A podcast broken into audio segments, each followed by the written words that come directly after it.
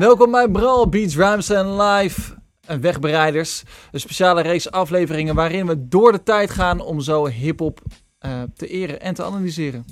Ja, wat we doen is eigenlijk gewoon het leukste feestje van allemaal vieren. Namelijk 50 jaar hip-hop. En dat doen we samen met onze vrienden van Alture Brewing Company, Legacy of Music en eh, Repeat. Ja, die zijn allemaal van de partij en wij zijn ook van de partij Noot, Vos en Ghost. En eh, wij gaan met z'n drieën in crews duiken, in artiesten duiken, om zo te checken hoe zij de weg hebben bereden voor anderen. En eh, dat doen we vandaag volledig in het teken van de Ghetto Boys.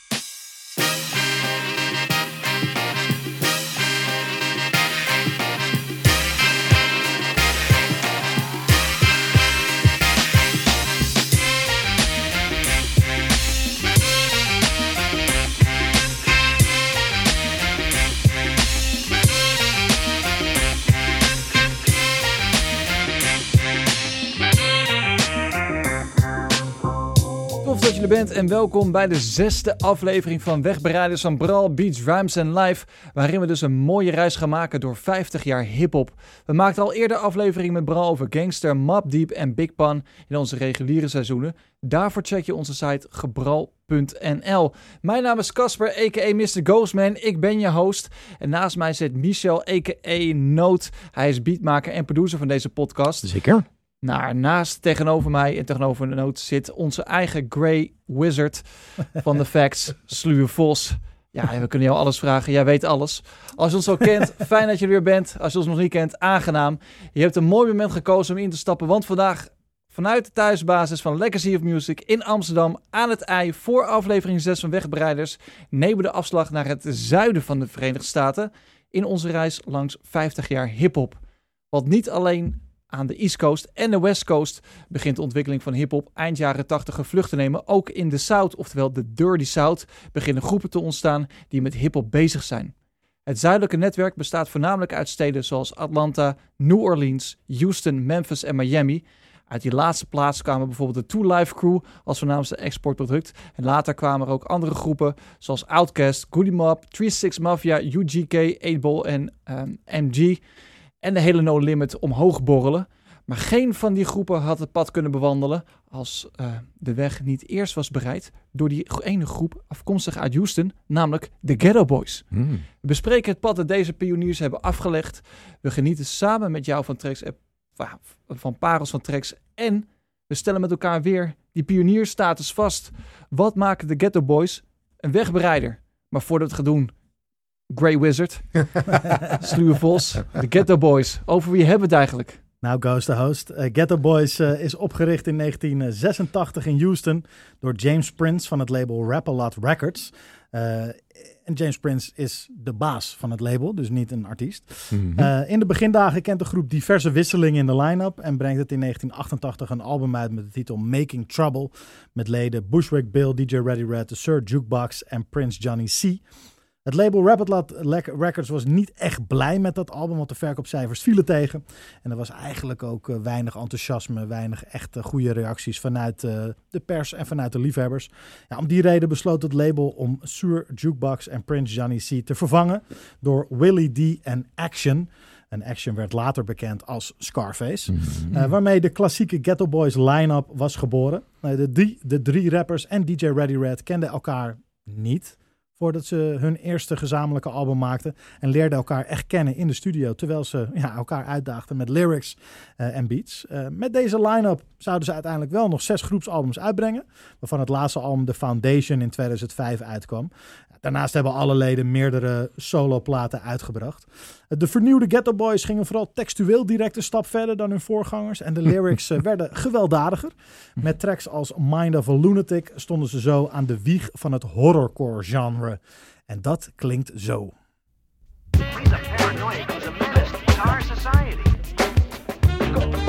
Paranoid, sitting in a deep sweat, thinking I gotta fuck somebody before the week ends. The sight of blood excites me. Shoot you in the head, sit down and watch you bleed to death.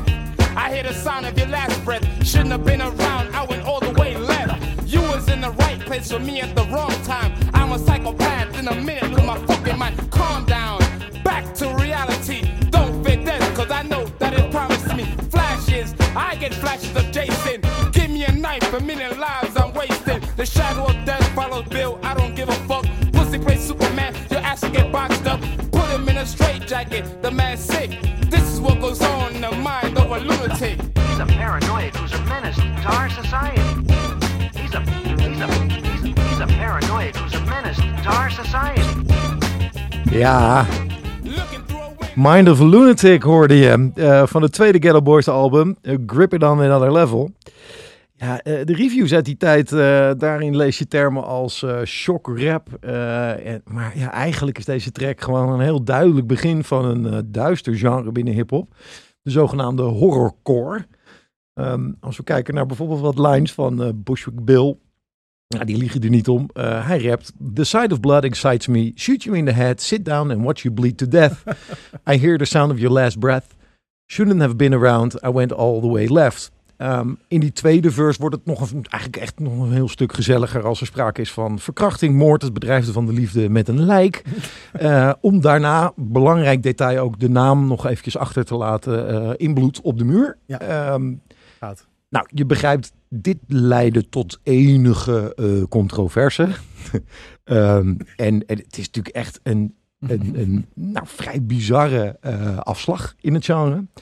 Ehm, eh, en gelijk ook voor, vind ik, voor een interessante discussie. Want dit deed stof opwaaien. Dit kon natuurlijk niet. En eh, we hebben het al in een eerdere aflevering gehad over de Parental Advisory sticker. Die eh, niets vermoedende eh, muziekkopers in de winkel ervan moesten wittigen dat er nogal sterk taalgebruik eh, opkwam. Nou, op deze, dit album kon zeg maar die sticker zo heel erg groot worden afgedrukt. Ehm, en, en zij werden verguisd eh, Ja. om eh, de, de content in eh, deze track. Mm. Ehm, en dat is meteen wel interessant, want ehm, eigenlijk kun je er minstens zo naar luisteren als eh, een, een rapvertelling van slasher movies die in de jaren tachtig gewoon super populair waren. Ik noem een eh eh, Fright Night, Hellraiser, Nightmare on Elm Street, eh, Evil Dead. Eh, allemaal gigantische kaskrakers eh, in die jaren. Ehm, en daarvan zei men destijds, nou ja, hoogstens misschien een beetje smakeloos zo hier en daar. Eh, maar er werd van gesmuld. En het was zeker niet zo dat regisseurs van dat soort films of acteurs eh, klaar waren met hun carrière en met de grond gelijk Mm. gemaakt werden. Tegelijkertijd ja, gold blijkbaar voor raptracks, voor de kunst van, van de, de rapmuziek, een, een andere standaard. Waarbij werd gezegd, ja, maar als je dit soort dingen rapt, dan ben je natuurlijk totale eh, zieke psychopaat. En eh, dit kan niet. Ja, Vind ik heel interessant, want eh, ja, kunst en de kunstenaar en de verhouding daartussen. zij zetten dat hiermee bewust of onbewust wel gelijk. kaderen ze dat, zeg maar. Hoe, hoe kijk jij daarnaar? nou ja, ik vind dat het gewoon moet kunnen. Hè, je legt al hartstikke goed uit. Je gaat ook naar de bioscoop om daar Ja. hele rare dingen te zien vaak. Ja, Hè, ik bedoel, eh, soms winnen... Een paar jaar geleden was er nog zo'n film die won een Oscar... waar een eh, vrouw met een zeemonster seks had. Weet je wel? Ik bedoel, dat kan ook nog steeds. Ik bedoel, maar als je Ja. dat op een, in een tekst verwerkt... is dat misschien weer eh, wat anders. Eh, ehm, maar ik vind dat gewoon moet kunnen. En ik vind het ook vaak... Ik luister het in ieder geval ook wel vaak met een grappige... eh, ik vind het meer de humor op kant gaan. En dan Ja. dat ik denk van, oh jee, eh, ik ga er naar luisteren en ik heb zelf zin om een mes te pakken en eh, iemand in zijn keel te steken en daarna mijn dik erin. Nee, dat, dat heb ik niet. Maar het, is, het ligt er zo dik op, bovenop. Het is zo bizar. Ja. En toch eh, wordt het dan Ja, heel het, was, letterlijk het, genomen. het was de tijd natuurlijk Ja. ook dat met eh, midden jaren tachtig hebben we het over, geloof ik. Hè? Dat we natuurlijk ook NWA hebben, Fuck the Police, we hebben Public Enemy. Dat is voor heel veel mensen was rap een bedreigende muzieksoort. Nou, en een nieuwe soort waarbij wellicht nog niet zo heel goed eh, eh, duidelijk was voor de luisteraar hoe de kunstenaar zich tot de kunst verhoudt, zeg maar. Hè? Dus Ja. eh, is het nou, de, ja, is het, Is het nou echt, een, een, een echt een- straatjournaal? Vertel je zeg maar over je wensen of je, Of is iemand helemaal loco? ja, Ja, ja. nou ja, goed. Ik denk dat dat ook het, het spannende maakte voor heel veel mensen om daarnaar te luisteren. Er zit ook nog wel een klein laagje dieper in hoor, want ehm, eh, er zit in die track er zitten ook heel duidelijk de hele tijd duidelijk witte mannenstemmen die eh, eh, dingen zeggen als eh, de- die de, de, de, de rappers uitmaken voor maniacs en zich afvragen waarom ze dat nou in vredesnaam doen. En het maakt op een laag dieper deze track volgens mij ook wel een soort van een, een kritiek op, hey, dit is hoe wit Amerika de zwarte man ziet. Als eh, lunatics, als, als psychopaten, als gekken. Ja. Ehm, dus hey, hier is mijn track. Ik ga er nog even overheen over dat beeld wat je van me hebt. Want het kan nog veel gekker. En ik schrijf nu met jouw bloed eh, mijn naam op jouw muur. Ja. nou ja. Ik, eh, ik, eh, ik vind het alleen maar leuk dat ze het zo aanpakken Ja, eigenlijk. nou ja, en wat ik heel vet vind in de uitvoering is dus dat, dat het allemaal eh, ligt over een hele lekkere, funky, bijna vrolijke Ja, ja, ja, ja. ja. eh eh, hip-hop track. Met, eh, hoe heet het? Het is eh, van Giving Up Food for the Funk van de JB's, wat geproduceerd is door James Brown. Eh, ja, dat, dat contrast met die zieke lyrics, dat maakt het ook alleen maar groter, waardoor ik het ook echt niet serieus kan nemen. Eh, ik- als, je, als je de raps eruit haalt, dan luister ik gewoon echt naar een hele Ja. fijne instrumentatie. En het is ook gebleken dat het niet alleen gewoon een one-day fly-achtig topic was. Er zijn natuurlijk gewoon heel veel artiesten Nee, nog maar gekomen kijk, die, die, die, die, die, die oppakten en eh, Zeker. inspirerend vonden. Kijk, hier is een heel genre uit voortgekomen. Ik denk dat groepen als, eh, nou ja, Mob Deep, uh, Jedi Mind Tricks, Non-Fiction, Apathy en Self-Titled, eh, Gravediggers.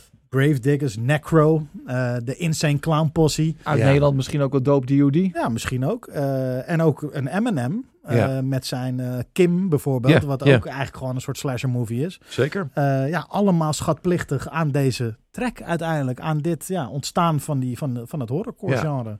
Dus eh, ja, en Scarface lyrics bijvoorbeeld hadden zo op een map die plaat gepast hoor. Want als hij, eh, hij zegt bijvoorbeeld... ehm, I said, die motherfuckers as I blasted.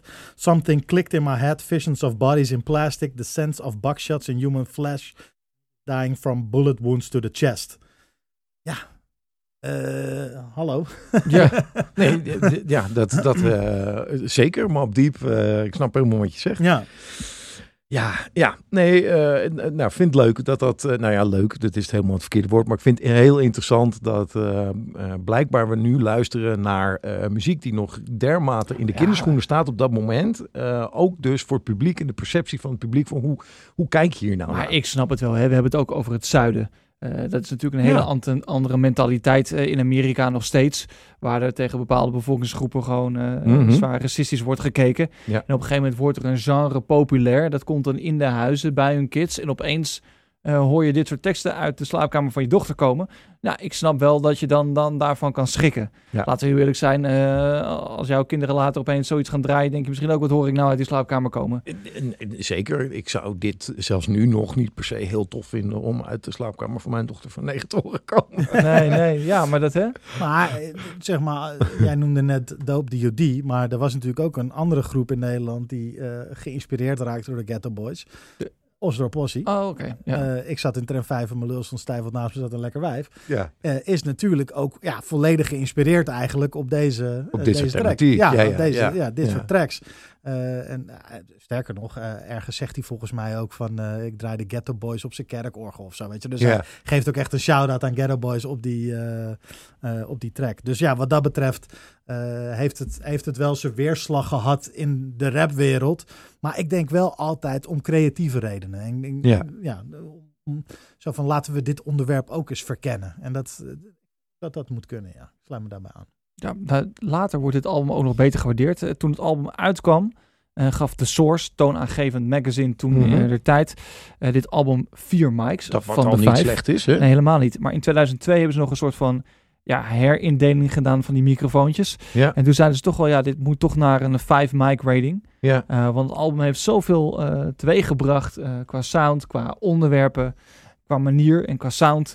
Eh, dat het eigenlijk gewoon een eh, ultieme hip-hop classic is. Ja. Vandaar dat we natuurlijk ook vandaag hun bespreken. precies. Eh, want ze hebben natuurlijk daadwerkelijk wel een footprint achtergelaten. Nee, zeker. Het is ook wel grappig om te bedenken dat die rappers elkaar eigenlijk helemaal niet kennen. Hè? Nee. Dat ze- Nee, dat is natuurlijk Nou ja. een verhaal wat we niet veel, eh, sowieso überhaupt niet vaak horen in hip-hop. In hip-hop bij uitstek. Ik denk dat in pop heel vaak je bij elkaar eh, gezette mensen in een band kunt krijgen. Maar in hip-hop is het toch, eh, ja, is er vaak een ontstaansgeschiedenis waarbij mensen elkaar goed kennen. En eh, dan op een gegeven moment samen verder gaan en op, op hun pad muziek gaan maken. En hier is dat eh, ook gewoon heel slim bij elkaar Ja, gezet. het, is, het was echt het label die Ja. zag van we moeten wat gaan doen met die hip-hop. En we gaan gewoon de beste mensen bij elkaar zoeken. Want die hadden het netwerk om dat te doen. En het is ook wel leuk om misschien even te kijken van wie nou wat was precies en hoe dat kwam. Mhm. Ehm, natuurlijk in die stad Willie D. Die was eigenlijk een bokser, die was echt een vechter. En wat er in de stad eh, vaak plaatsvond was op één avond in de club. Dan had je s'avonds een bokswedstrijd. Ja. En dan kwam daarna een soort van feest waar dan ook hip-hop was, maar ook freestyle battles werden gedaan. En daar was hij ook een van de beste van. Hij was de freestyle king samen met nog een, iemand anders in die stad waar echt mensen voor kwamen kijken. Hmm. Het was zelfs op een moment dat er eh, meer mensen naar de eh, rap battle kwamen Dan- dan, eh, naar de bokswedstrijden. Oké. Ja, en hij dacht ook, die Willie D, nou wat Run DMC kan, ja, maar dat kunnen wij hier in het zuiden ook. Ja. Hè, dat deed helemaal niemand eigenlijk. Niemand dacht eraan van die New York sound van, hé, dat, dat kunnen wij in het zuiden, eh, zuiden ook gaan bedenken. En je hoort ook nog wel, vind ik, heel erg in die eerste plaat, eh, de invloeden van de Public Enemy ook nog wel, van de manier van rappen eh, en ook de sounds. Ja. En, ehm, en Willie D en ook bij Ripple dachten ze, nou, wat zijn twee dingen waar ik get late, zeg maar, hoe ik een meisje kan regelen. Dat is door, dus they love, eh, vrouwen houden van boksen en van rap. En ik doe het allebei, dus laten we het gaan doen. En wat ik ook leuk vind, is dat je ook wel, dat hoor je ook al op deze tracks, je hoort de verschillende stijlen ook van de rappers. Hè. Willie D is echt meer een soort van country ghetto rap. Je ziet hem op een gegeven moment ook op een album hoe staan, echt zo in zo'n tuinbroek, opengeklapt, weet je wel. Eh, hij reed ook op een paard. Ja. We hebben het over het zuiden. ja, ja. Dat gebeurde gewoon echt en dat hoor je ook wel echt wel terug qua invloeden. Eh, Scarface, ja, dat, De meest getalenteerde. ja, zeker. Is echt een tekstschrijver. Eh, Ja. Mhm. Schrijft daar ook heel veel in die periode echt over het hosselen. Eh, en, En, en heeft ook eh, stiekem op de achtergrond heel veel producties gedaan. En, eh, Ja, precies. Ja, was wel Maar- een beetje het brein. het, het, het mooie van Scarface is, is ja, daar hebben we zo meteen uitgebreid nog een, een, een, een Mhm. voorbeeld van is. Maar hij kan zo levendig storytellen. Je ziet het meteen voor je. Ja, en eh eh, eh, Bushwhack, ja, dat is gewoon hardcore. Dat is gewoon echt hardcore. Dat is gewoon, eh, dat is gewoon Chucky. Ja, en, hij, en ook het formaat van Chucky, hè? Zeg maar, dat maakt hem natuurlijk ook wel... eh, dat, dat maakt hem bijzonder. Ja. Dat hij een... eh, dat mens hij dwer- is. Dat hij dwerggroei heeft. Ja. Ja. Eh, en dat, ja, dat hij als kleine guy zich staande houdt in een wereld vol met geweld. En, eh, Ja, ja, weet je wel? Dat, en, ja. dat, ja, en dat maakt Ghetto Boys natuurlijk ook wel karakteristiek. Dat hij Ja. als zo'n zo'n kleine guy daar... eh, daar ja, hij is wild in, weet je wel? ja, ja. Ja, heel vet. Nou, ondanks eh, dat de Ghetto Boys eh, indruk maken met eh Grip It On That Other Level, deze plaat, Ja. bereiken ze nog niet echt het grote publiek. Ehm, en dat valt producer en labelbaas en vriend van de show, mogen we inmiddels ook echt Ja, zeggen, ja, Rick ja. Rubin ook op. En die besluit is een bezoekje te wagen aan Houston om Ghetto Boys te tekenen voor zijn Def American label.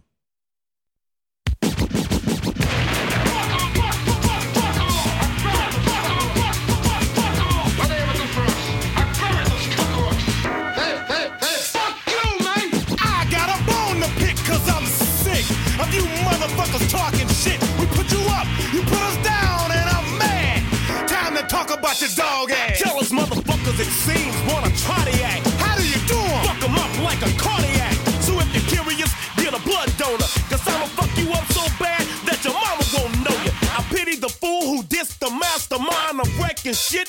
Now let me tell you something, bitch.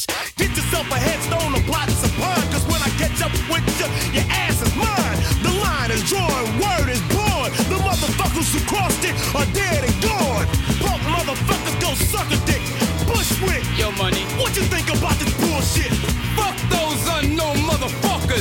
With a 10 foot pole, they can't touch us. Before the ghetto boys came around, you can't front on the clown. H-Town was no town. Ja, je hoorde Fuck 'em van het album Ghetto Boys uit 1990. Ja, en eh, dit is eigenlijk een soort van remix album dat bestaat uit één track van het debuut Making Trouble, wat dus uitkwam in 1988. 10 van de opvolger Grip It Under Another Level uit 1989 en twee nieuwe tracks waarvan Fuck 'em er dan weer één van is. Ja. Het album, ja, dat, eh, je zei het net al, is geremixed door Rick Rubin. En uitgebracht op het label Def American. Dat is een label dat Rick oprichtte omdat eh, ehm, hij vlak daarvoor een machtsstrijd binnen Def Jam eh, had verloren van Liar Cohen. En hij had dus ook Def Jam verlaten al in 1988. Ja. Ja, en trouwens, de release van deze plaat ging ook niet helemaal vanzelf. Want Gavin, dat is dan de distributeur eh, van de Def American label, wilde het album niet uitbrengen en niet distribueren. Nou, we hebben net al een beetje besproken waarom dat zo was. Hè? Mhm. dat, dat was dus ze hadden een behoorlijke reputatie. Maar ja, om die eh, reden sloot eh, Rick Rubin een deal met Warner Brothers. eh, waar het album wel werd eh, uitgebracht. Maar dan wel inderdaad met een enorme waarschuwingsstekker eh, op de hoes met de tekst Def American Records eh, is opposed to censorship. Our manufacturer and distributor, however, do not condones or endorse the content of this recording, which they find violent, sexist, racist and indecent. Ja. Ja, ja. Zal ik hem nog een keertje voorlezen, Nee, die hoor. sticker? Ja, Nee, dat, hoor. eh, het was nog weer die, eh, die hele hoes. Ik ja. las wat interviews ook met van die eh label of die, die, die execs bij, bij Geffen. En die, die dan heel erg, zeker omdat deze plaat natuurlijk uiteindelijk hartstikke goed heeft gedaan ook. in retrospectief zeiden nee, nee, maar het ging echt niet om... Ja, wij, het was niet dat we het niet goed vonden. Het was niet dat we het niet goed vonden. ja, ja, maar, ja. maar dus, ja, we wilden ons gewoon, we konden niet bedenken hoe wij ons eh, konden verantwoorden, zeg maar, dat dit op ons label zou uitkomen. We kregen het gewoon niet bij elkaar. En Nou, terwijl we onmiskenbaar de kwaliteit er wel uit konden halen. Ja, het is, mooi. hè? ja, ja, nee, het is natuurlijk, je moet toch ook wel, zeker als dat album er dan toch komt, dan ben je toch ook wel als groep, knijp je toch ook wel een Ja, beetje in je ja, ja. handjes, dat je weet dat je allerlei van die platenbasis en mensen hoog in de boom gewoon echt heel on- onrustig hebben gemaakt. Ja, ja, ja, dat is toch ja, ook ja. wel smullen. Ja, ik vind het ook, maar ik vind het ook wel vet dat een Rick Rubin zegt van, oké, nou, jullie niet? Nou, Nee, fuck dan it, dan ga ik gewoon links. naar Warner, weet Ja. je wel? Ja. En dat het hem ook lukt. Nou ja, Ja. want eh, mede daardoor is het denk ik wel gelukt dat Rick Rubin zich is mee gaan Nee, bemoeien. zeker, Want die remixes, wat, wat vinden we ervan als we die eh, eh, leggen tegen die andere songs? Ja, ik vind dat heel tof. Ik vind die, die, die Rick Rubin signatuur die hier zo in zit uit die jaren, hè, die, die, eh, dit is ook weer echt zo'n zo'n wall of sound, deze track. Het is kei en keihard. Ja, het zijn allemaal echt van die typische Rick Rubin eh, producties. En die vind ik wel lekker passen bij eh, de ook niet al te malse lyrics die er overheen liggen. Ja. Dus ja, ik vind dat wel een hele fijne match. Ja, ja ik, ik ben er niet helemaal over uit. Ik, ik, ik vind ze eigenlijk, ik, ik Grip It on the Other Level, die beats, prima. Ja, Eh, de bewerking op Ghetto Boys, ja, ook prima. ja. Ja, ik, ik, ik hoor niet echt wereldschokkende dingen. Kijk even los van deze track, fuck hem, wat gewoon een nieuwe, Eens. vette track is, weet je wel. Maar ja, ik, ik denk ook dat het een beetje verschilt eh, wie precies welke versies het vetst vindt. Dat het een beetje om Nou, even is. zeker. Kijk, en we, we gaan het natuurlijk nog hebben over die zuidelijke sound. eh, die veel later, of die pas later tot wasdom kwam. Ja. En ik denk dat die ze veel beter past ook. Maar ja, ik vind dit wel. Is wel, ja, ja. Vind het is wel lekker. fijn. Ja, het is Ja, lekker. het is wel- Nee, ja. Nou ja. En ze bereikt ook eh, wel door dit album natuurlijk een veel groter publiek. Ja. Eh, kwamen ook buiten het zuiden eh, Ja. op, plekken. Kwamen ook wel in New York. Daar werden ze overigens wel ontzettend uitgeboet. Ondanks dat Rick Rubin natuurlijk wel eh, zijn roots daar heeft. Maar die vonden, New York vond op dat moment eh, hun veel te grof. Te veel, te veel fuck you, fuck you. Terwijl dat ze natuurlijk ook toen de tijd al in die native tongue, Dela-achtige vibe zaten. Ze Ja. werden uitgeboet. Maar goed, eh, dat was misschien ook de reden dat ze na het avontuur eh, met Rick, Rubin, dat, dat ging dus maar voor één album. Ja. Waar we het net over hebben gehad. En in 1991 gingen ze dan de studio in voor een follow-up. Het hele eh, opnameproces duurde slechts enkele weken. Ja, en het resultaat was We Can't Be Stopped. Het derde officiële album dat vooral de schied- geschiedenisboeken ingaat vanwege de eerste en de enige single van de plaat. Die klinkt zo. I sit alone in my four cornered room staring at candles. Oh, that shit is on? Let me drop some shit like this here. At night I can't sleep, I toss and turn. Candlesticks in the dark, visions of bodies being burned. Four walls just staring at a nigga. I'm paranoid, sleeping with my finger on the trigger. My mother's always stressing I ain't living right. But I ain't going out without a fight. Every time my eyes close, I start sweating and blood starts coming out my nose. It's somebody watching the act, but I don't know who it is, so I'm watching my back. I can see him when I'm deep in the covers. When I awake, I don't see the motherfucker. He owns a black hat like I own, a black suit and a cane like my own. Some might say take a chill, B, but fuck that shit. There's a nigga trying to kill me. I'm popping in the clip when the wind blows. Every 20 seconds got me peeping out my window.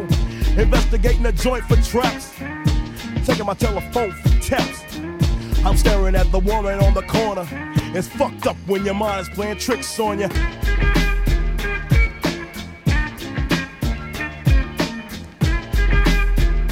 Ja, Mind Playing Tricks on Me van het album We Can't Be Stopped uit 1991. Oeh. Ja, Ja. eh, keihard. is een Eh, trackje, hoor. De track eh, begint met een paar lines uit Mind of a Lunatic. Het verwijst daar naar terug. I, sit in, I sit alone in my four-cornered room staring at candles. Dat zijn de openingslines van Scarface op Mind of a Lunatic. Dus je zou Mhm. dat, ja, een soort eh, sequel, Vervolg, een soort sequel, Mind Playing Tricks on Me. Maar waar Mind of a Lunatic echt een horrorfilm is, Ja. is Mind Playing Tricks on Me meer de Sopranos, zeg maar. ja, maar dan wel lang voordat die serie gemaakt is natuurlijk. De lyrics gaan namelijk over wat het met je doet als je een crimineel leven leidt. In plaats van dat je het echt Ja. actief Uitvoert. uitvoert. Ja. Ehm, in veel tracks tot dan toe is het gangsta-element echt uitvergroot. En eh, wordt het straatleven verheerlijkt. Weergegeven vanuit beschouwing. Maar ja, nog nooit iemand had echt een track geschreven over mental health eigenlijk. Nee, precies. En over paranoia zijn als gevolg van het criminele leven. Nou, Scarface heeft als kind al last gehad van depressies. Ook suïcidale gedachten gehad. Ja. Hij is eigenlijk de eerste rapper die deze echt heel persoonlijke zaken ook durft uit te spreken in zijn raps. Scarface neemt de eerste en de derde verse van zijn rekening. eh, ja, hij zegt onder andere: Every Sunday morning I'm in service, praying for forgiveness, trying to find an exit out the business. I know the Lord is looking at me, but yet and still it's hard for me to feel happy. Uh, I often drift when I drive, having fatal thoughts of suicide. Bang and get it over with. And then I'm worry free, but that's bullshit. I got a little boy to look after, and if I die, then my child will be a bastard. Mm. Ah, weet je wel, dat Ja. zijn wel heftige, heftige gedachtes. En ja, het, is ook, ook. Het, het is ook zo beeldend, zo treffend. Ja. Eh, ook die hele eerste verse die je net hoorde, weet je wel. Het, het- je ziet hem gewoon echt in zijn bed liggen. Ja. Paranoia zijn, opstaan naar het raam, door het raam spieken, weer terug naar Ja. bed. Ja, het, het, het, het is echt heel beeldend. Every time my eyes close, I start sweating and blood start coming out my nose. I see uh, is somebody watching the act. Eh, dat is op dat moment nog steeds zijn naam, Action. Mhm. Is somebody watching the act, but I don't know who it is. I'm, so I'm watching my back. Ja, je ziet hem echt zo, ja, weet je wel, eh, Je onrustig zijn. Je ziet het hem helemaal doen. Ja, absoluut briljante lyrics, briljante track. Die Delivery trouwens ook. Ja, ja, 100. Want dat, dat is waar, waar Scarface ook echt goed in is. Ja, ja, 100. En eh, ja, eh, hij heeft ook een verse van Willie D. eh, en een van Bushwick, de- deze, deze Ja. track. Maar eigenlijk is alles geschreven door Scarface. Eh, het was namelijk aanvankelijk bedoeld als solo track. Ah. Ja. Eh, hij had het helemaal geschreven, het hele concept gemaakt. Ja. Eh, maar Rap-A-Lot Records hoorden dat en bepaalde... Die Ja, is voor die- het volgende Ghetto Boys ja, album. precies. Ja, dat snap en, ik. eh, nou ja, goed, daar kon hij wel mee leven. En, eh, Ja. en hij ging daarin mee. Nou, we Ja. zijn natuurlijk in deze reeks, eh, hebben we het heel vaak over first en zo. En dat vinden we tof, toch? Eh, de eerste gangster rap, de eerste echt maatschappijkritische tracks. eh, en hier dus, ja, waarschijnlijk wel de eerste track waar, waar mental health zo breed inderdaad een, een thema is. Ja, dat is toch ook dat.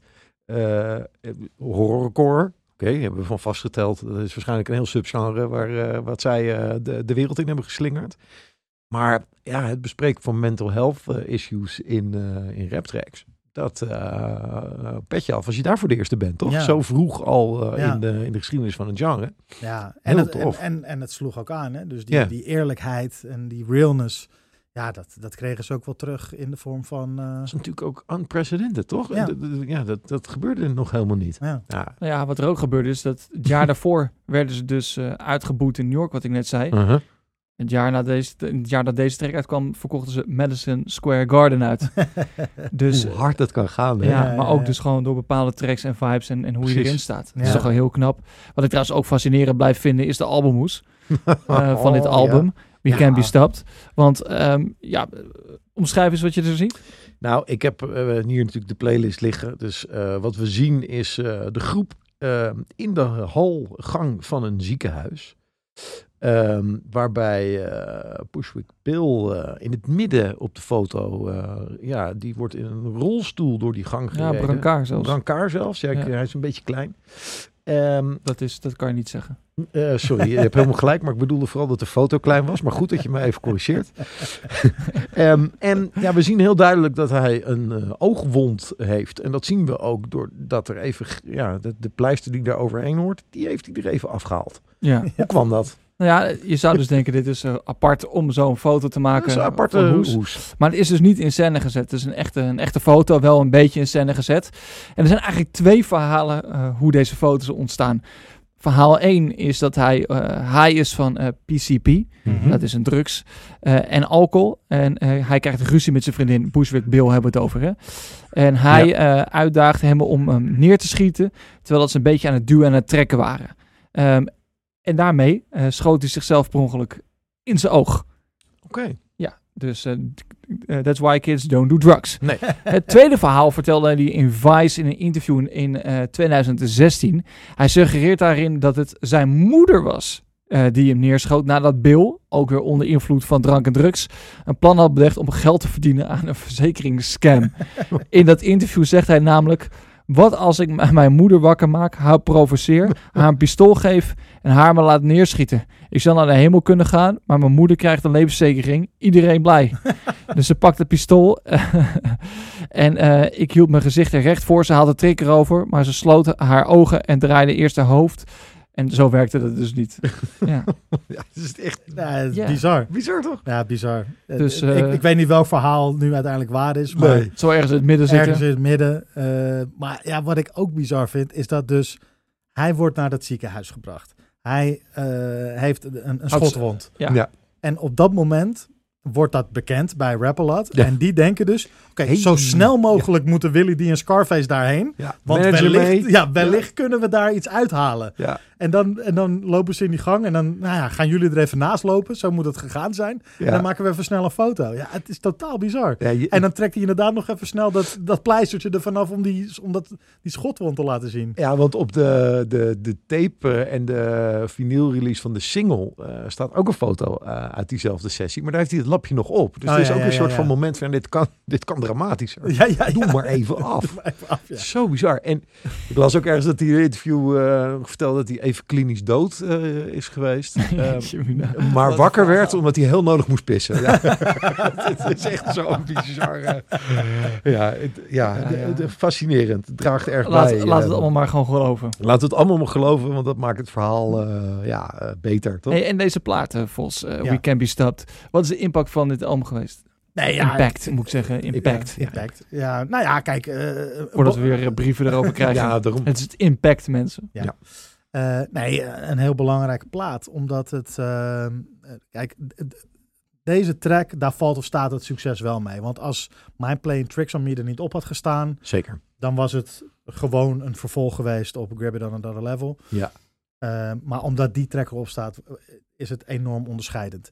De rest van de plaat is ook tof en belangrijk, maar wel gewoon een logisch Ja, gevolg op. Ja. Het album ging wel eh, platina. Mhm. Dus niet alleen de singles, zeg maar, maar ook echt het album. Nee, maar er staan ook wel een paar tracks op die, ehm, ja, die, die, die echt wel heel doop zijn. Eh, eh, kijk, bijvoorbeeld de track Chucky eh, is ook weer zo'n horrorcore track. Ja. Waarbij eh, eh, Bushwick Bill in de, huid, in de huid kruipt van, van Chucky. Voor de liefhebbers van de Mind of a Lunatic eh, reeks, zeg maar, was dat er eh, wel weer eentje van te smullen. Ja. Eh, en die waren er zeker. En daar haakten natuurlijk ook steeds meer mensen aan op Ghetto Boys. Dus wat dat betreft eh, was er genoeg te smullen voor de horrorcore liefhebber. Eh, en, en, en ook, eh, eh, maar ook een track als Fuck a War eh, Mhm. was heel tof. Wat echt duidelijk, ja, een, echt een anti, anti-oorlogstrack Ja. was. Eh, en met name ook omdat natuurlijk veel brothers van hun in die tijd eh, ja, werden geselecteerd om het leger in te gaan. Eh, we praten over de eh, Eerste Golfoorlog. Eh, ja, dus in die tijd.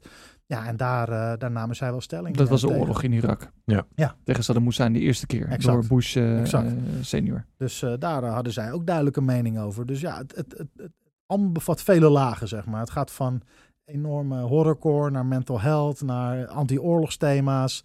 Ja, en, en gewoon eh, vette MC-tracks. Ja, naar mijn favoriet gaat het ook. eh, maar ja, is niet zo raar als noodseinde. Dat eh, Gotta Leave Your Nuts Hang. eh, vind ik fantastisch. Ja. Fantastisch track. Snap ik, snap Ja. ik, snap Maar ik. toch, toch ging het allemaal niet zo heel goed. Je zou toch wel denken dat met dit succes dat ja, de deuren naar de rest van de wereld open zouden staan, of niet? denk het wel. Ja. Maar goed, eh, na We Can't Be Stopped verlaat Willy D de groep. ja. eh, in verband met wat financiële issues. En eh, hij wordt vervangen door Big Mike. Die op dat moment onderdeel was van de Rap-A-Lot Records groep Convicts. Mhm. Mhm. Ehm, Big Mike nam een aantal tracks mee naar het Ghetto Boys project. En een van die tracks is de eerste single van het vierde Ghetto Boys album, Till Death Do Us Part. I'm sick of you hoes trying to run mine. I'm coming with a gun line, running after one time. I got a grudge against you blue suits, black suits, white suits, and state troops.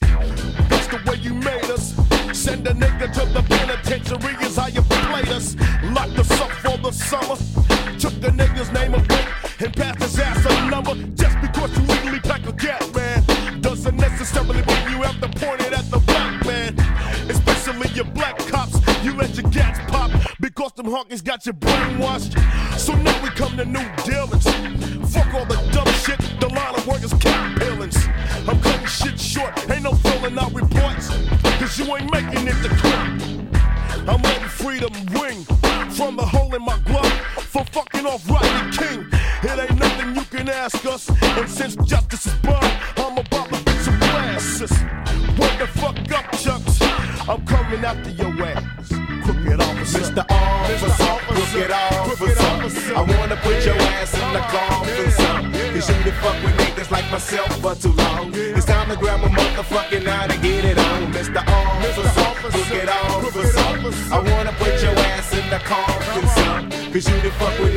Ja, je hoorde Crooked Officer van het vierde Ghetto Boys album eh, Till Death Do Us Part uit 1993. En Vos, eh, ja, jij gaf het nu al aan. Big Mike nam een aantal tracks mee naar dit project. Die eh, Ghetto Boys vervolgens heeft uitgewerkt tot een groepstrack. Eh, maar deze track kleeft nog wel een verhaal. Mm. Gaan we even terug in de tijd. Ja. 1991, in dat jaar brengt de groep Convicts hun debuutalbum Convicts uit op uh, Records. Ghetto Boys doen ook een gastbijdrage op die plaat. En die plaat die belandt bij andere vriend van de show, Dr. Dre, eh, op eh, het bureau. Die op dat moment bezig is om zijn roster eh, samen te stellen voor eh Death Row Records. En voor het aankomende iconische Chronic album. En hij is een fan van Convicts, een groot fan. En hij ziet er eigenlijk ook qua naam wel iets in. Want het is natuurlijk wel vet dat uitgerekend Convicts op Death Row Records uitkomen. Tof, hè? ja, Dan ja. sta je al 1-0 voor. Ja, snap ik. Ja, Ehm, dus het contact loopt via rapperlatbaas James Prince. We hebben hem eerder benoemd. En die besluit mee te werken. En die, die zet eh Convicts op een vlucht naar Los Angeles. En eh, in de studio pitcht Big Mike een aantal tracks, waaronder Crooked Officer. En Dre die is instant verliefd. Dit is, eh, die, hij moet en zal die track hebben voor de Chronic. Ehm, in een interview met The Source noemt hij die track zelfs al als Oh. een van zijn favorieten voor het aankomende album. Echt waar, joh. Ja, dus dat is echt, eh, nou ja, instant Ja, eh, liefde, liefde, liefde, Ja. liefde op het eerste gezicht. Maar goed, dan komt rapperlatbaas eh, James Prince weer om de hoek kijken. En eh, die denkt, ja, ho ho, wacht eventjes. Als Dr. Dre zegt dat dit een hit gaat worden, dan houd ik hem liever zelf. Ja, dan brengen we hem gewoon Ja. via Rapperlat uit. Want dat lijkt me veel interessanter voor ons allemaal. Dus hij trekt zijn medewerking in. Convicts die tekenen niet met Death Row. En eh Dre die moet het doen met een introotje en een outrootje van eh, Bushwick Bill. Op Stranded on Death Row. Heel tof trouwens. Eh, en Crooked Officers, eh, Officer wordt dus een eh, Ghetto Boys track geproduceerd door Nojo. In plaats van Dr. Dre. Ja, wat nou een ja, verhaal, hé. Weet je, ik denk eigenlijk wel dat dat ook gewoon... Het is oké, weet je wel. Eh, Dre en zijn kamp had uiteindelijk deep cover... als het gaat om een soort van soortgelijke thematiek. En de Ghetto Boys, Ghetto Boys hadden deze. Een ijzersterk, opnieuw toegepast eh, trucje... wat de Ghetto Boys nu een paar keer hebben gedaan... eh, nu we tot nu toe hebben geluisterd. Eh, hele funky, bijna vrolijke instrumentatie weer... Maar daaroverheen liggen lyrics die geloof ik net eh, iets minder vrolijk zijn. En dan kijk ik even jou. Ja, ik snap, Nou ja. wel, ik snap wel dat Dream zou willen hebben, hoor, trouwens. Ja, deze ja, track. ja, zeker. Ja, in onze vorige Wegbereiders-episode hebben we het gehad over Capkiller van Ice-T's Bodycount. eh, en de controverse die die track eh, teweeg bracht. Maar het is een wonder dat Ghetto Boys hier eigenlijk aan ontsnapt zijn. In ieder geval die controverse op die schaal. Ja. Eh, de hook is namelijk Mr. Officer, Crooked Officer. I wanna put your ass in a coffin, sir.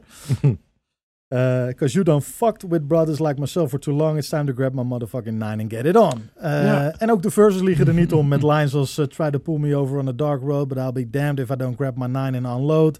Until every blue shirt turns red. You hear what I said.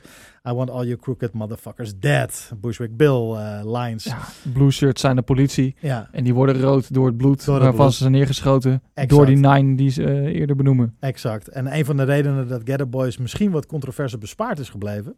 is dat ze voor de single edit van deze hook...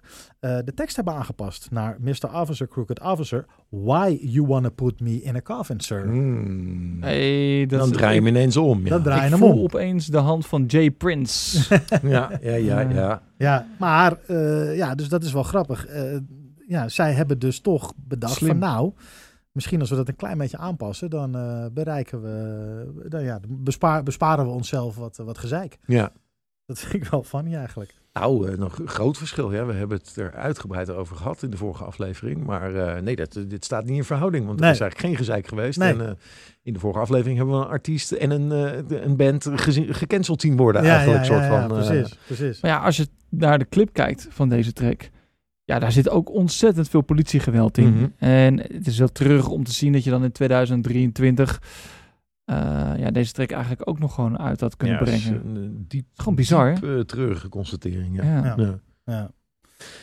Ja, het is eh, ook het eerste Ghetto album, eh, Ghetto Boys album, deze, Till Death Do Us Part, waarop we kennis maken met een eh, nou, nog wat meer emotionele kant van Scarface. Eh, tot dit punt in de Ghetto Boys eh hoorde je duidelijk dat eh, Scarface, Scarface eigenlijk de meest getalenteerde is. We benoemen dat al een beetje. Qua lyrics zit hij al, al heel erg in de persoonlijke hoek. Ja. Maar nou, zijn flow, die was denk ik tot nu toe best nog altijd wel redelijk recht toe, recht aan eh, te noemen. eh, en behoorlijk hardcore. Maar op de track Street Life, eh, een solo track van Scarface op het album, dan hoor je voor het eerste flow die hij later echt zou perfectioneren. Bijvoorbeeld op solo platen die hij later heeft gebracht, zoals The Diary en The Fix.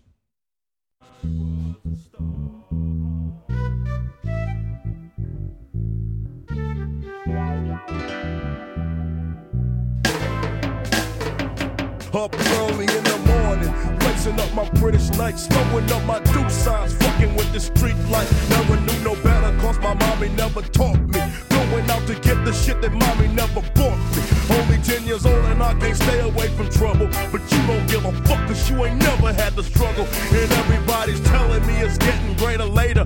I need to get my shit right now, cause it ain't shit in my refrigerator. And I done struggled for my whole life, seeing my mama laid up with a different nigga every night. And when you see me, you can spot a crook. Because I'm roaming through a motherfucking pocketbooks. I'm going out to get my papers. She don't give a fuck about me anyway. Uh, and my daddy's doing two terms. And all she ever does is sits around and gets shurned. My mama never hugs me. I'm calling Deuce my family because these niggas say they love me. I'm steady dusting chumps off. And ready for the battle if the shit would ever jump off. So send my ass to hell. Ja, je hoorde Street Life. Ja, die track kunnen we ook wel eens een geheel blijven draaien. Wat een heerlijke track is dat zeg. Een solo track dus van Scarface van Till Dead Do Us Part album. Op een beat van John Bido. Eh, maar het nummer was eigenlijk afhankelijk helemaal niet daarvoor geschreven. Street Life is geschreven voor de film South Central dat in 1992 verscheen. Die film gaat eigenlijk over een man die ehm, na tien jaar in de gevangenis hebben gezeten naar huis gaat daar zijn zoon tegenkomt weer. eh, en eigenlijk dezelfde fouten ziet maken die hij destijds ook maakte. Ja. Ehm, ja, en als je dan naar deze track luistert, dan past hij qua vibe en emotie perfect natuurlijk bij het onderwerp van die film. Helemaal omdat Scarface ook rapt vanuit het oogpunt van een kind dat tien jaar is en kiest voor eh, crimineel gedrag. Ja. Simpelweg omdat hij niks te eten heeft. Ja, en kijk, hier komt Scarface echt om de hoek kijken hoe ik hem het allerdoopst vind. Hoe Ja. ehm, de storytelling erin, op deze beat, de, de delivery. En je zegt, jij zei het net ook al, je ziet het gewoon voor je wat hij Mhm. zegt. Ja, het is zo dope. Hiermee komt hij toch altijd weer in het lijstje van beste rappers. Oh, Weet je wel? Met dit soort, dit Ja, soort verses. Het is zo goed, zo emotioneel ook. Wat je, dat is een hele andere manier van vertellen. Mhm. Ja, ik, ik, ik vind het dope. Ik, ik, ik vind zelf ook voor mijzelf nog steeds Scarface vanuit mijzelf een Mhm. onge- onge- ongewaardeerde MC. Ja, Gewoon- dat snap ik. Ja, Ja, echt zo'n dope track. Ik ben ook zo dankbaar voor het feit dat Scarface deze track kon maken voor die film. Eh, omdat hij hier echt die signature Scarface emotie eh, kan laten zien. Lyrical is het ook zo briljant, omdat hij als geen ander de woorden vindt om te beschrijven hoe een jonge jongen vast kan zitten in een gang en onder druk van vrienden toch blijft hangen in dat criminele leven. ja. In de laatste verse van deze track bijvoorbeeld zegt hij: I thought I had friends, but I ain't got no fucking friends. Because if they were my friends, they let me break. Audi 5000, fuck this shit, I'm packing my 38, but fuck, I gotta stay down until it's time for me to punch it out and just lay it down, and that's a motherfucking shame. Tonight, I gotta steal another ride with my little gang, so mm. slowly I walked up to it with no hesitation. I broke the window and jumped into it, unhooked his shit, and it was headed off. I opened up the door, and that's what set it off. A brother came out with a Glock jack and put a slug in my motherfucking back, and my so called friends Want me out of the gang because they, they don't, don't know if I walk again. Hmm. Ja. Ja, Ja, dat is zo dope. zo Het is zo beeldend. beeldend. Ja. raak. Nou, precies dat beeldende, ja. Ik denk dat je ook instant meevoelt met het personage van hij wil eruit, dan moet hij toch een auto stelen. En dan eh, krijgt hij ook nog een kogel in zijn rug. En, eh, dan, moet hij, en dan moet hij ineens uit de gang. Om, Het is gewoon, dan hebben ze niks meer aan. het is gewoon een heel nee. dope luisterboek. Ja, Ja. Zo moet je zo kan je het bijna zien. Nou, het is ook eh, muzikaal denk ik echt een breekpunt, deze plaat. Ehm, omdat we hier nu wel echt die zuidelijke eh, signature Mhm. sound beginnen te horen. Ehm, en als je het tegenover de, nou, de East Coast hip-hop eh, uit de- dezelfde periode zet, dan, dan zijn er echt hele duidelijke verschillen die eh, Southern hip-hop, Southern hip-hop maken. Eh, het is veel meer gericht op live instrumentatie, blazers, eh, eh, gitaren, keyboards, waar eh, en, en als er samples worden gebruikt, eh, vaak voortkomend vanuit een meer bluesy-achtig geluid, wat eh, ja, Country? dominant was. eh, nou, vooral meer, echt meer blues. Ja. Eh, wat dominant is in het zuiden van Amerika eh, in de jaren ervoor. Hè, terwijl we bij East Coast eh hip-hop op dat moment natuurlijk veel meer een nadruk op samples hebben, gebaseerd op funk en, en jazz. Ehm, tempo ligt significant lager dan aan de andere kust. Echt fors lager. Ehm, en er is ook veel meer nadruk op melodieuze hoeks en refreinen ehm, dan, dan in East Coast hip-hop. Ehm, achtergrondvokalen bijvoorbeeld, eh, zang, chants. Ja, dat zijn dingen die hoor je in die, eh die Southern hip-hop veel meer terugkomen dan, eh, dan ergens anders. En eh, een hele specifieke eh sample techniek, de zogeheten chopped and screwed techniek. Ehm, en ja, die houdt eigenlijk in eh, dat je samples en beats manipuleert door ze een stuk langzamer af te spelen. Dus die samples gewoon in pitch heel erg omlaag te, te plaatsen. En niet eens vaak zo heel veel te doen aan de volgorde. Eh, maar wat je daarmee bewerkstelligt is dat het soort van wat dromiger, een, een bepaalde ambiance heeft. Eh, wat ook goed past bij het lagere tempo, waardoor het ook allemaal veel meer storytelling-achtige Is dat, eh, eh, beats zijn dan, dan meer up tempo en een hardere East Coast werk. Ja. Ken je bijvoorbeeld dat, dat filmpje van Jolene van Dolly Parton? Dat ze Eh. dat dan eh, niet op eh, 45, maar op, op 33 Oh ja, ja, ja, afspelen? ja, ja, ja. Dat is toch een beetje wat je bedoelt? Zeker, ja. Nou, dit, is iets wat je ook best goed gewoon thuis wel kan proberen. Zeker met wat oude tracks. Eens te kijken wat er gebeurt voor jouw hele perceptie en je gevoel bij een nummer. Op het moment dat je het inderdaad eh 20, 30, 40 procent vertraagt. Dat wordt zo anders. En eh, echt vaker wel dan niet wordt het melancholischer en wordt het eh, dromeriger. En ja, dat is ook wat er hier gebeurt met, eh met Streetlife heel duidelijk. En wat wel grappig is aan die chopped and screw techniek, het is gemaakt door DJ Screw. Ja.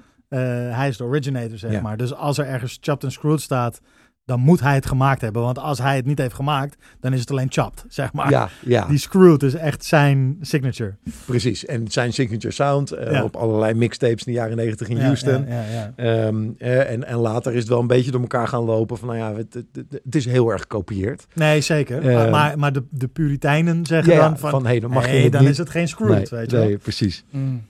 Ehm, ja, dus eh, een typische jaren negentig Southern beat wat mij betreft. En, eh, en ik vind het zelf heel tof dat ze vanaf hier die afslag echt hebben genomen. ehm, naar deze, eh, deze sound die, eh, die en onderscheidend is. En ja, ik persoonlijk ook ligt me gewoon heel erg lekker. Ik vind het heel fijn. Ja, en na Dead Till als part gaan alle leden ook aan de slag met soloplaten. Ja, we hadden het al een beetje aan zien komen natuurlijk met die solo-track van, eh, van Scarface. Eh, Big Mike dropt Something Serious in 1994. Bushwick Bill dropt in 1995 zijn tweede soloplaat, Phantom Mhm. of the Rappera. Jawel. En Scarface maakt het epische The Diary in 1994. Ook Willie D, die natuurlijk eerder in de groep zat en was verlaten, gaat in eh, 1994 nog een plaat uitbrengen met de titel Play Witch Mama. Eh, maar als enige doet hij eh, dat niet via Rap. In 1996 komt eh, de groep trouwens weer bij elkaar voor het album The Resurrection. En daar staat de single op The World is a Ghetto. Me,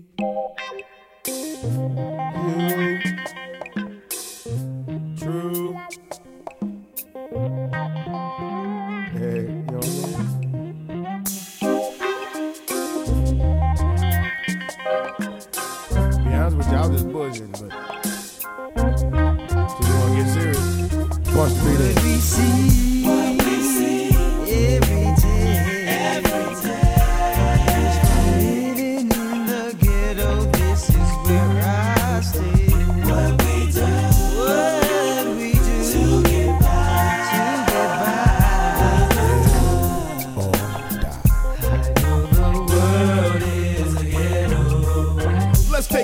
To the other side. Where many people learn to live with their handicaps while the others die. Where motherfuckers had no money spots. And if they did, then they ass went insane when all the money stopped. I'm from the ghetto, so I'm used to that.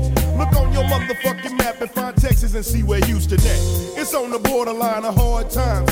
And it's seldom that you hear niggas praying and giving God time. That's why I ask my mind to pray for me. Because I know that even I got to die, and he got a day for me. And every morning I wake up, I'm kinda glad to be alive. Cause thousands of my homeboys died.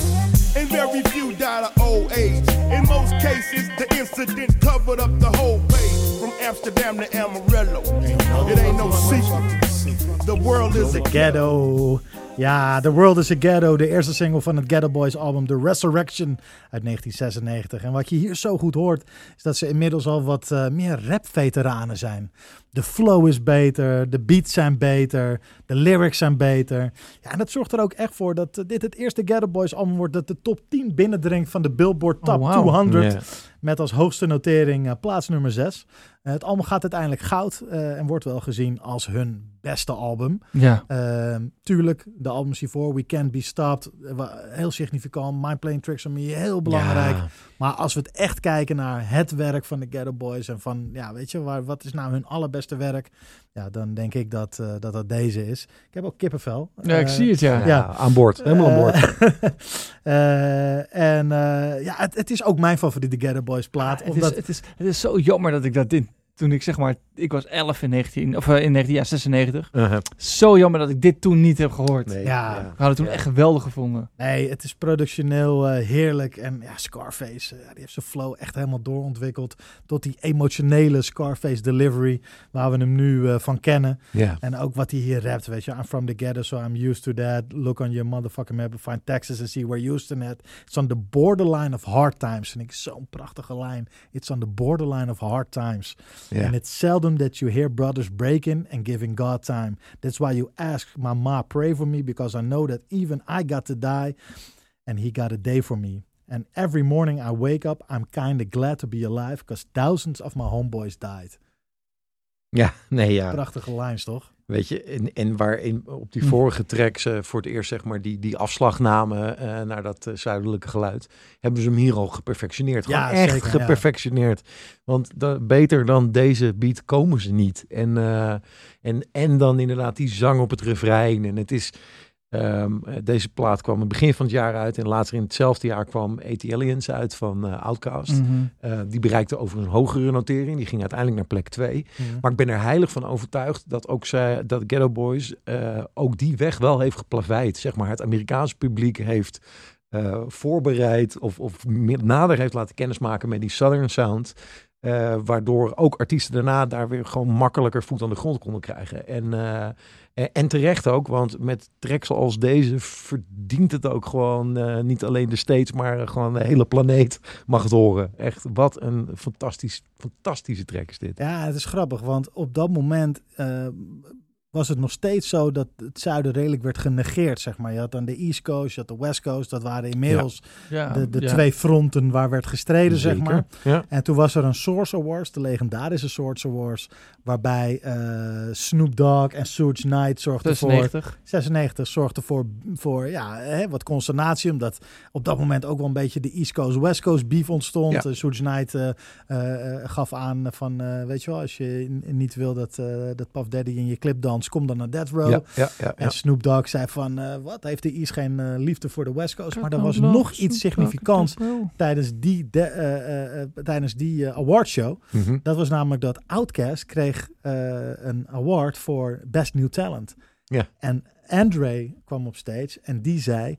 The South has got something to say. Ja.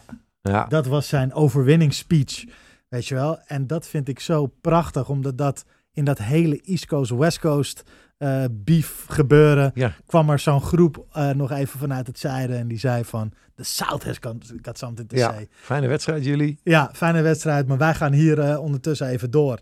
Ja, en als je ziet wat dat uiteindelijk allemaal teweeg heeft gebracht, weet je wel, inderdaad, vanaf de Ghetto Boys tot aan Outkast, Goody Mob, ja, en, en, en alles wat daarna komt, T.I., Yeezy, weet je wel, noem maar op. Ja. Maar ja, In Louis. Ja. en dat vind ik zo mooi, dat, dat, dat, dat zijn allemaal van die belangrijke eh, puzzelstukjes die gelegd zijn om, om uiteindelijk die hele hiphop puzzel te leggen. Heerlijke plaat ook, hè? Zijn er nog, eh, heb je nog andere hoogtepunten? Van, eh, van The Mhm. Resurrection. Mhm. Ja, ehm, wacht, ik moet even spieken naar de tracklist. Ja, dan begin ik. Ik vind Ja. Stil dus echt... Oh ja, ja, ja, ja. dat is gewoon een Dre-productie Ja, bijna. Het is echt, hij doet me ook heel erg denken aan die Puppet Master van eh Max. en Waar Dre Ja. ook op... eh, Ja, waar die, waar die op rapt. Echt van die... eh, ja, dat is echt zo'n mid-90 Dre-banger gewoon. Ja. Fantastisch. Ja, stil. Ja, vind ik echt ook een hele, hele fijne track. Sterker nog, ik heb ook nog even overwogen om die eh, nu in de, In de luister- in, in, in, in de episode te doen. Ja. Ehm, maar eh, Hold It Down, eh, vette Ja. track. Eh, Ghetto Fantasy, ehm, Point of No Return, laatste track. Ja, Vet, vet, vet. Mm, fantastische plaat. goed zo. Hey, ehm, na deze plaat, The Resurrection, eh, Resurrection, zouden er nog twee albums uitkomen. Eh, the Good, The Bad en The Ugly. Ja. En eh, The Foundation. Maar daar zal het eh, ja, ook forever bij blijven. Want in 2019 overleed Bushwick Bill aan de gevolgen van alvleesklierkanker. Ja. Ehm, dus dat, eh, ja, in die setting gaat het helaas niet meer gebeuren. Nee. We zijn aangekomen bij de hamvraag van vandaag. De Ja. pionierstatus. We hebben het eh, beginpad met de Ghetto Boys bewandeld. We hebben een parels gecheckt. Ja, we hebben het al een beetje besproken. eh, maar het lijkt me mooi om nog even een samenvatting te doen. Mhm. Wat maken de Ghetto Boys nou pioniers? En waarom zijn zij wegbereiders nummer 6? Ja, ik denk volledig vanwege eh, het lyrical gedeelte, het ontwikkelen of aan de wieg staan van het horrorcore genre. Eh, tegelijkertijd voor het eerst echt die mental health eh, issues op de kaart gezet. Ja. Eh, en dat uiteindelijk ontwikkelen naar ja, storytelling tracks van formaat met emotie en, en lading. En eh, ja, dus, dus dat vind ik in ieder geval een argument om ze wegbereider te maken en te noemen. En Ja, en ze, kwamen, ze waren natuurlijk ook de eerste uit het zuiden die gewoon bij Yo MTV Raps waren. Die op de voorkant van de Source terecht kwamen met hun sound. Ehm, ze waren gewoon ook... eh, Bun B heeft wel eens gezegd, eh, die natuurlijk in eh, UGK zat, ook een grote eh, groep met eh Pimp C.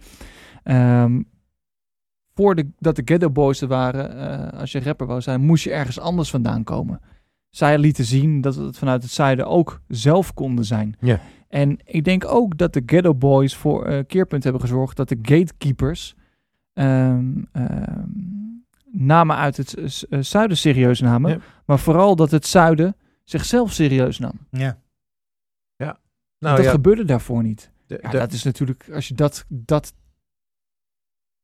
voor elkaar krijgt. krijgt, ja, is dat natuurlijk gewoon eh, gigantisch. Ja, nee, precies. Dus het op de kaart zetten op deze manier van het zuiden. En daar zou ik nog eh, aan willen toevoegen dat eh, ik denk ik niet zo heel vaak als je door zo'n discografie heen wandelt, zo'n transformatie. Eh, dat je daar getuige van bent. Hè? Naar de eerste track waar we zeggen, ja, wat een psychopathische, bizarre, eh, Mhm. eh, weliswaar de start van een genre, maar waar luisteren we nou eigenlijk naar?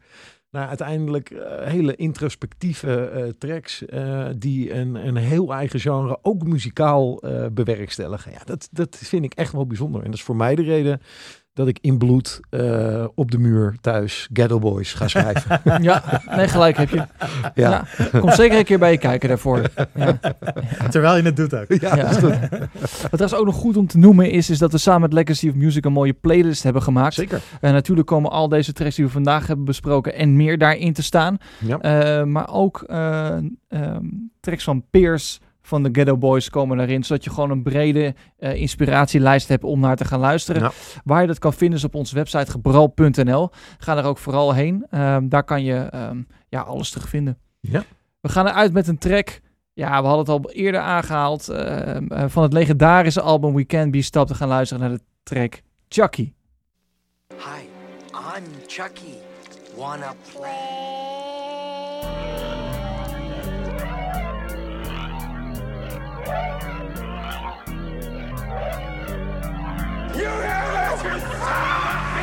I told you size was the shit, that's why I murdered your nieces. Was my fault they found their head cut in 88 pieces. Don't let them run, hurry up and catch them. You grabbing on my grabbing on, let's pull till we stretch them. Play pussy, get fucked, means you're better off dead. I wanted seafood, so I fished in a child's head. Motherfuckers beware, cause I'm sick. Dead heads and frog legs, mmm,